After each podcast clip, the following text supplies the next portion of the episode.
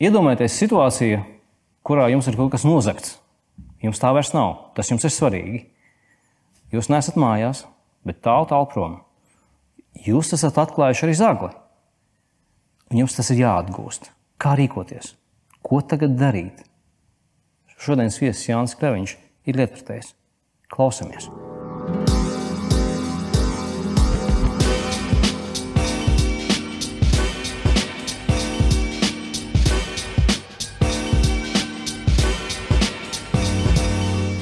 Tu savā dzīvē esi bijis daudzos piedzīvojumos, daudzos ceļojumos, daudz redzējis, gan ar moci braucot, un, un, un gan ceļojot pa Jukonas upi.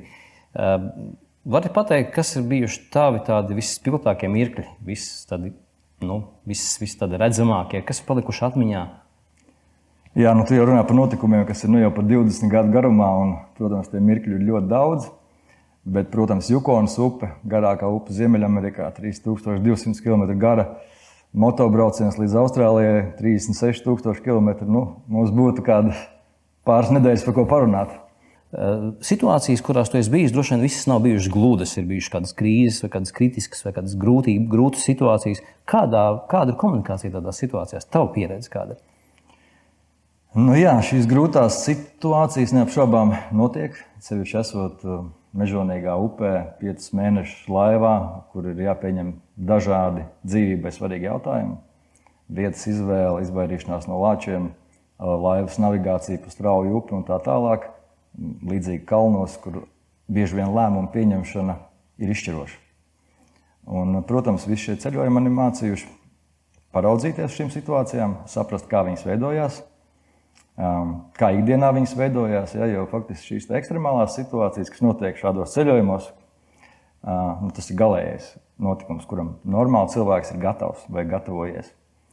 Tad tieši līdzīgas situācijas ar mums notiek arī ikdienā, kur mēs varam pēkšņi nonākt izdzīvošanas situācijā. Tad ir jautājums mūsu zināšanas, um, ekipējums, kas mums ir pieejams, un uh, pati spēja šajā situācijā vispār rīkoties. Laikam tas ir viens no lietām, kuras esmu mācījies šajos ceļojumos, nerunājot protams, par pieredzi, par skaistiem skatiem un, un tādām lietām. Droši vien cīņas notikušas vai nenotikušas ar grizlīlāčiem vai, vai, vai milzīgām zivīm Jukonas upē būtu cits stāsts, arī interesants, bet tieši komunikācija ar kādiem nelabvēlīgiem cilvēkiem vai notikumiem, varbūt Āzijā vai kur citur, droši vien tev ir bijuši. Var padalīties. Nu, man lielākā pieredze šajā ziņā ir tā, ka viss ir atkarīgs no tā sajūtas, ar kādu tu nāc, vai brauc vai airē. Un tad tas attiecas līdzīgi domājošs cilvēks. No tā izriet, ka pārsvarā labs cilvēks. Mm. Uh, bet, protams, tajā pašā Jukonā mums nozaga safilmēto video materiālu, tātad divu mēnešu safilmēto materiālu ar visām video kamerām. Tad mūsu projekta vienu galveno mērķi nozaga upes vidū, nekurienē. Un tad bija šī krīzes komunikācija mūsu piecu komandas biedru sastāvā, kā rīkoties, ko darīt, vai cerēt uz policiju Aļaskas vidienē. Tas mm. būtu nereāli. Jā. Mm -hmm. uh, bija ļoti daudz scenāriju, pēc tam bija jārīkojās ātri. Un nozaga šīs mantas, Džonijs, mēs iedomājamies garu bārdu, Džeksa patronu jostu pāri ar milzīgu koltu, nu, precīzi kā filmās. Beigās mēs to izšķitinājām. At, atguvām, atguvām. Tas nebija izdomāts, tā, tas bija reāls. Uh... Šerifs. Reāls notikums. Šerifs droši vien ir vietējais. Nu, viņš tā sevi uzskata par ah. šerifu. Jā, viņš vienkārši vietējais Jukons. Man. Un uh, Jukons skartajos to var apskatīties, tāpēc tās gan ir divas sērijas mūsu filmas. Un, nu, šāda situācijā mēs tur nonācām. Bet jūs nonācāt konfrontācijā viens uz viens ar šo cilvēku, kurš jūs bija apzadzis.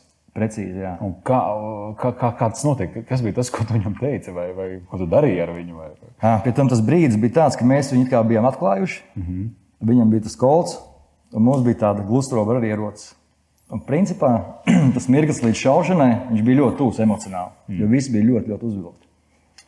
Bet mēs izspēlējām tādu psiholoģisku trilleru, ka mēs ļāvām viņam būt labajam, ka viņš ir vietējais, ka viņš varētu zināt, kas ir nozadzis, un ka viņš ir vienīgais, kas varētu atgūt. Mēs viņam iedavām šo atkāpšanās ceļu.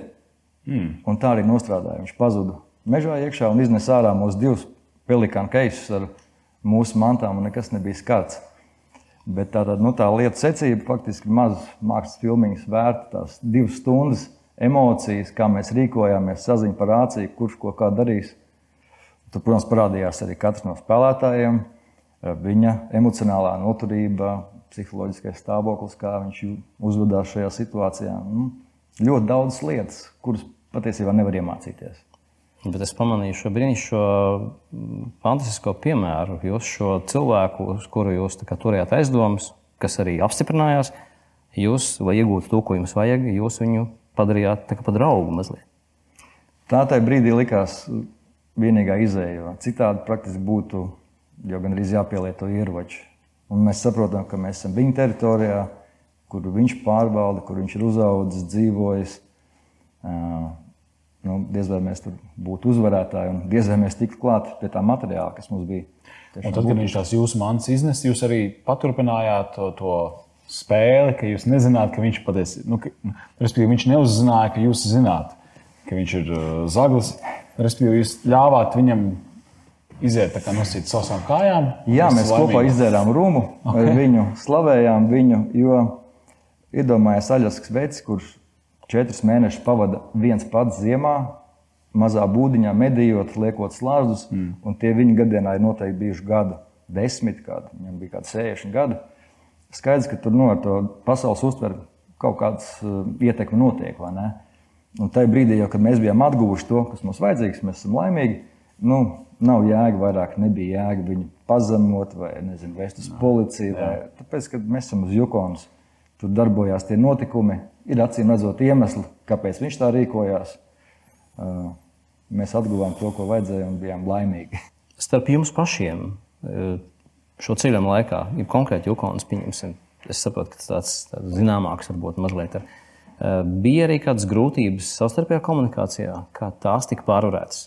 Jā, tas līdzīgi kā kosmonautiem, pieci pieauguši vīrieši divās laivās. Un, patiesībā ikdienā risina ļoti vienkāršs jautājums. Tātad, kur mēs būvēsim telti?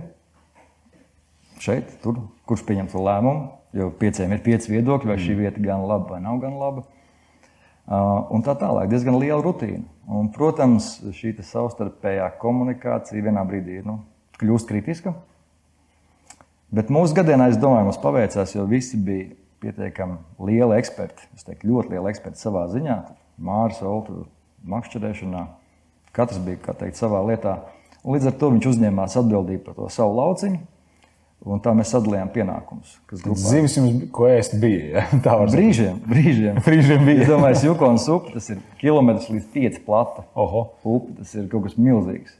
Un kur tur atrast dzīvi, protams, nav vienkārši. Vai jūs bijat runājuši, Kā jūs rīkosieties, ja, ja, ja konflikts sāks gruzdēt? Kā, nu, vai jūs bijāt par to runājuši? Nē, mēs to nebijām izrunājuši, jo mm, nevienam duši nebija tādas pieredzes uzsākt šādu sarunu. Tomēr visiem bija pieredze savā jomā, liela. Un, nu, tie, kas ir gājuši kalnos reizi, ja, sasaitē vai kopā, kas ir, zina šo svarīgumu, ļoti lielo, nu, tātad, kā situācijā rīkoties, bieži vien nu, vārdi, kā teikt, liek, nav vajadzīgi. Es saprotu, ka tas, ko tu tagad dari, varbūt vienā, vienā teikumā ir saistīts ar izdzīvošanas jautājumiem. Tā skaitā dabā, tu vadi redzējumus par dabu, tas ir tas, ko mēs zinām. Bet kā tas saistās ar, ar, ar šo, šo, šo kritisko situāciju pārvarēšanu, vai grūtību pārvarēšanu, vai, vai krīzes tādu situāciju pārvarēšanu tavā jomā? Jā, nu mēs cenšamies, jo katram ir skaidrs, ka Latvijam nebūs iespēja atbraukt uz Jukonas un savus ādus iemācīties kaut kāda izdzīvošanas pamats, vai aiziet kalnos. Tie ir nu, ne visiem varbūt pieejami apstākļi, bet eh, nu, šodien domāt par to, kā savu bērnu mazliet sagatavot dažādām situācijām, jau ir um, pietiekoši laika katram vecākam. Mēs sākam veidot jauno pēdziņu skolu. Doma tāda, ka jaunieši piedalās nometņu veidos, un viņi kaut vai lēnā gadā iepazīst Latvijas dabu, iemācās viņā sadzīvot labi, atrast derīgos ēdamos, iekurt uguns, kur vienkārši justies ērti dabā. Jo mēs zinām, ka daudziem rīzniekiem nu, pat palikt teltī, tas jau ir pietiekami ekstrēms notikums. Jā. Jā. Tad, nu, ja mēs bērniem iemācām šos pamatus, un, un Rīga iet uz priekšu, tagad ir citu interesants bērnu dārzs atvēries pēc Norvēģijas programmas, kur bērni guļ tikai ārā, dzīvo tikai ārā. Mm. Katram ir nazīts pie sāniem. Viņi tad adaptējās uh, videi, un rezultāti ir brīnišķīgi. Bērni neslimo, daudz veselīgāk. Un, un, Rīgā ir tāds zvērndārs. jā, viņš ir. Un kas notiek ziemā? Viņi arī guļ ārā un tu sēž ārā. Šobrīd Rīgā vēl nē, bet tas ir Norvēģi koncepts. Jā. Norvēģi jau guļ arī ziemā ārā. un Mēs zinām, ka labs guļamais nav nekādas problēmas ar šo. Jā, Jā, jā. Līdzīgi jauniešiem, es nezinu, zemesardze, kuras pats dienē, labākais veids, kā pakalpot savai valstī, kā iemācīties pilnīgi viss, kas saistās ar outdooru, iemācīties vēl ļoti daudz zināšanas un uh, būt brīnišķīgā. mm, Tur laikam draugu ar, jaun, ar jaunsardzi sākas arī tā lieta, vai ne? Zemes. Jā, jaunsardze, zemesardze.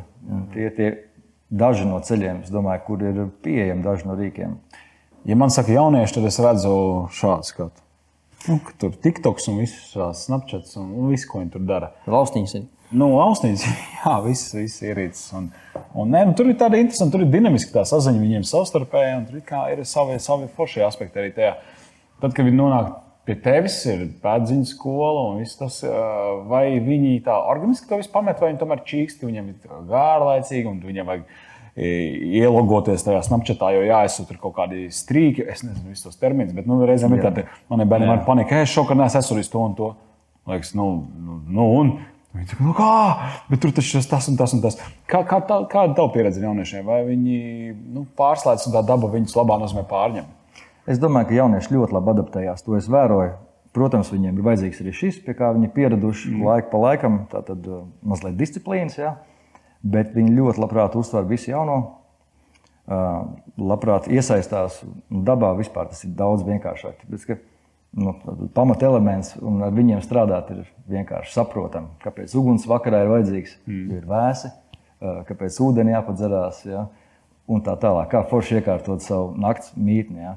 Nu, Tāpēc, tās ir ļoti dabīgas cilvēkam, nu, dziļumā ļoti saprotamas lietas.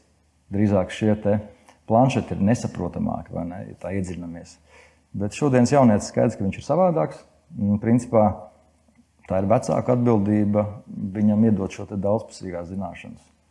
Jo, nu, ja mēs domājam par Jukonu, tad bet ekstrēmā situācijā mēs vienalga varam nonākt arī tepat laukos, Rīgā, Tatru kalnos, nu, kur galīgi liekas, ka nekas neapdraud mūs. Ja? Tāpēc man liekas, šī pamatzināšana, būt dabā, mācīt tur labi justies, nu, viņi ir svarīgi katram. Ja mēs gribētu iet uh, dabā, tagad, tāpēc, ka tu ej dabā, tu māci medniekus, tu veici šādu skolu, mēs tagad, Oskars, Kristaps, varbūt mēs kādu paaicinātu.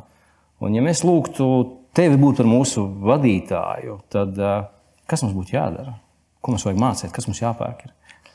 Kas Jā, mums nu, jādara? gribēšana, laikam, tas ir pats pirmais, jā, un, bet ārā mēs varam iet ar ekipējumu, bez ekipējuma, vidējs ekipējums, uh, atkarīgs no grupas, no vēlmes, no spējām. Mm, Latvija, manuprāt, ir unikāla vieta, kur šo darīt, nodarboties. Jo Lai, unikāli kādā ziņā. nu, 60% meža mums jau ir, upes mums jau ir, ja mēs paskatāmies mazliet tālāk uz dienvidiem, jā, viss šis ir mazāk pieejams. Uguns, kur mēs drīkstam kurināt, jebkurā Latvijas valsts mežā, jā, ja vien nav ugunsbīstamā sezona. Lūk, mums ir ļoti daudz iespējas. Norvēģis paskatāmies, jā, viņiem katrs vikends ir ziemā iziet uz slēpītēm, uzcep desu. Bez fanātisma, nevajag Viņa dūles, es atceros, bija kaut kādā februārī Oslo, ārā kafejnīcās, ar plediem sēž. Tur kaut kādas gāzes lampas, bet ārā. Nu, tas ārā, viņiem ir jā. vēlakam asinīs. Tāpēc, ka tas nāk no bērnības. Jā. Jā, jā, tas, ir- tas ir skaisti. Šodien tev ir ne tikai šodien, arī ikdienā, tur nesā šādu nu, formu stērpu, vai tas nu, ir tāds dabas krāsas, redz, te ir kaut kāds. Tātad loku mednieku kaut kāds tur tas, tas tā emblēma, un tur ir vēl kaut kāda mednieku asociācija. Jā. Un es skatos, tu to nes ar tādu stāju un ar zināmu lepnumu. Pastāst, varbūt, kas ir tā tā ikdiena. Un, uh, jo komunikācija arī tur ieņem diezgan lielu lomu. Tu, tu dod savu zināšanas tālāk. vai ne? Jā, nu mēs darām to jau kādu laiciņu, patiesībā kopš Jukonas, veidojot televīzijas raidījumus.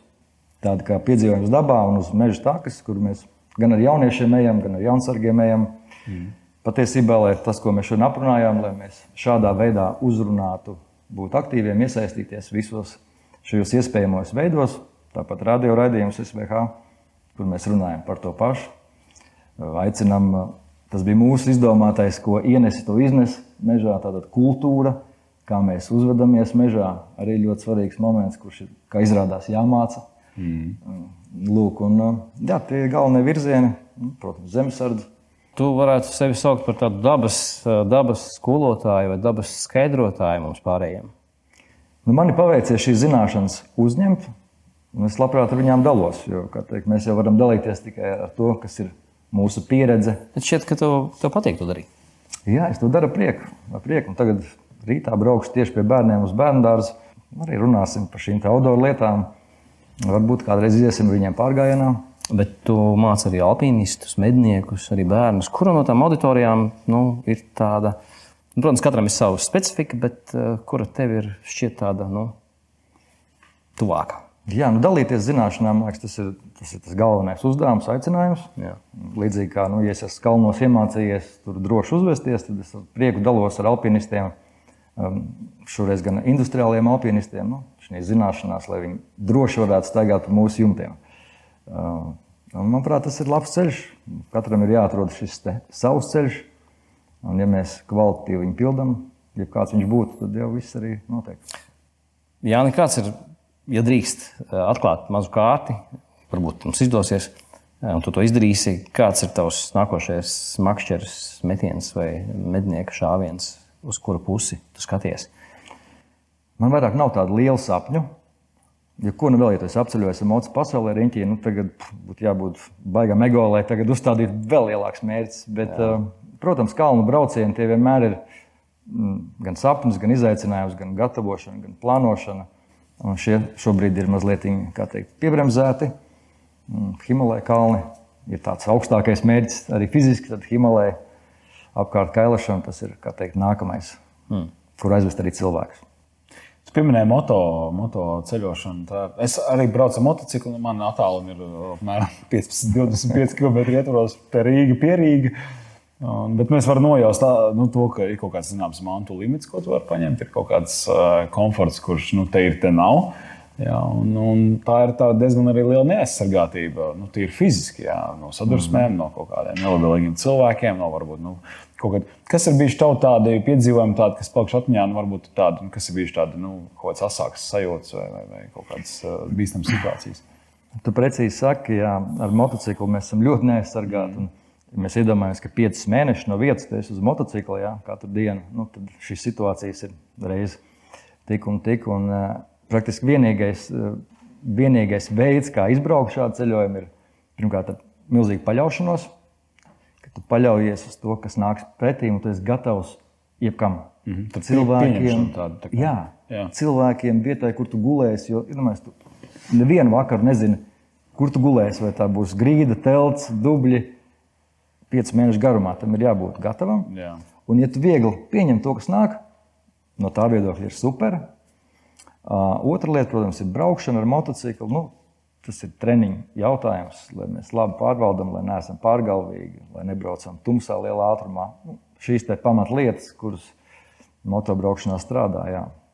Ir skaidrs, ka šīs lietas ir veidojušas tevi, bet, bet, bet, bet kā viņas, nu, kur, kura no tām lietām, nu, no bērnības, protams, motocikli, cik es zinu, un, un es piedalījos sacensībās daudzās un tā tālāk, tad tas jau tev ir bijis. Um, tas ir lielā mērā veidojis tavu, tavu tagad, tagadni, to, ko tu tagad dari, arī tas motocikls vai, vai citas lietas, kas vairāk. Jā, man jau liekas, ka ideālajā pasaulē cilvēks nemitīgi mācās un attīstās. Un, um, katrs mūsu ceļš, ja mēs viņu neuztveram kā mācību, tad viņš kā teikt, ir nu, lieki iztērēts laiks. Bet, ja mēs kaut ko iemācāmies no dzīves, vai tas būtu sports, vai attiecības cilvēkiem, vai kāda cita pieredze, tad mēs mazliet augam. Tomēr. Augam un ejam uz priekšu. Neapšaubām, motosports, kalni. Tās ir tādas pietiekami ekstrēmas disciplīnas, kur, ja tu neiemācies, tev ātri vien, ātri vien soda. Jā. Mm. Un soda parasti tā pa, pa nopietnu. Jā, ne tev ikdienā nav garlaicīgi. Galīgi nē, galīgi nē. Ko tu ikdienā dari? Esmu iemācījies ar savu adrenalīnu jau sen tik galā. Man vairāk nav vajadzīgs izaicinājums, lai es labi justos. Varbūt tas bija mm. līdz 20 gadiem. Tas labs, vai ne? Uh -huh. Ka nevajag speciāli. Sarunai tuvojoties noslēgumam, man, man aizķer tas bērnu temats par to, kā mēs viņus kā vecāki spējam vai varam vai potenciāli varam sagatavot. Jā, tas, tas ir ļoti būtiski. Man arī kā bērnu tēvam ir, ir es aizdomājos, vai es izdaru visu, ko es varu izdarīt, lai viņus sagatavotu varbūt tādām neparedzētām situācijām, kaut kādām grūtām. Kas ir tavi tādi ieteikumi bērnu vecākiem, nu, kam pievērst uzmanību? Kādā nu, labi, ir pēdziņas skola, ir vēl kaut kādas iespējas. Nu, nu, kas ir tas ABC, kas būtu jāizdara? Tavuprāt? Es domāju, no pieejamā tiešām šobrīd jaunsardze ir pieejama visā Latvijā. Tas ir arī meitenēm, tas ir tāds Jā, uh, tas ir meitenēm. Un, Asociēts tas nu, jaunsardze, militārais, tāds puisis. jā, un es teikšu, militārais tur ir varbūt 10%. Ok. Vispārējais patiesībā ir būšana dabā. Hmm. Pārgājieni labi organizēti. Ja? Pie tam par brīvu tas ir bērniem. Nu, tā tad uh, tie nav kaut kādi dārgi pulciņi, kur mēs vedam uz tenisu un domājam, ka mm, forša Tas lieta. tāpēc, ka būs vēl viena. Jā, jā, jā. Jā, jā. Tā ir ļoti sociāli pieejams veids, kā uh, iet šajā ceļā, ļoti dabīgajā. Un pēc tam jau tas vecums jaunsardzē var būt aktīvs līdz 16, 18 gadiem. Nu, tad jau vecums ir faktiski pašiem izdarīt savas izvēles. Es teiktu, ka tas šobrīd ir brīnišķīgs ceļš. Brīnišķīga pieredze, brīnišķīgs ceļš. Man patīk. Paldies jums, Novēl ka Paldies, ka, paldies tev, ka dalījies. Un, Paldies, jā. kas saka, veiksmus tavā misijā. Tiekamies uz meža takas. Jā. Jā. Un mēs ar jums tiekamies jau atkal nākamajā dienā pēc epizodē.